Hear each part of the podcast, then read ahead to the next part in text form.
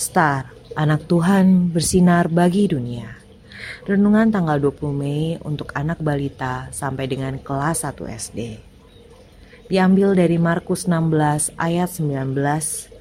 Sesudah Tuhan Yesus berbicara demikian kepada mereka, terangkatlah ia ke surga, lalu duduk di sebelah kanan Allah. Tuhan terangkat ke surga.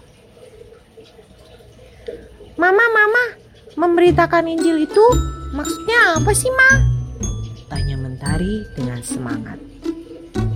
Memberitakan Injil itu maksudnya memberitahukan atau menceritakan tentang kisah kabar baik tentang Tuhan Yesus. Mama menjelaskan. Terus bagaimana caranya, Ma? Aku kan masih kecil. Tanya Mentari penasaran. Mentari baca Star, lalu ceritakan isinya ke orang lain. Kata Mama. Oh, siap. Kata Mentari semangat dan berdiri tegak.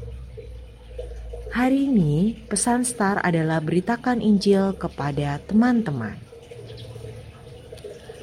Mari kita berdoa. Tuhan Yesus, aku mau memberitakan Injil juga Mampukan aku ya Tuhan Yesus. Amin.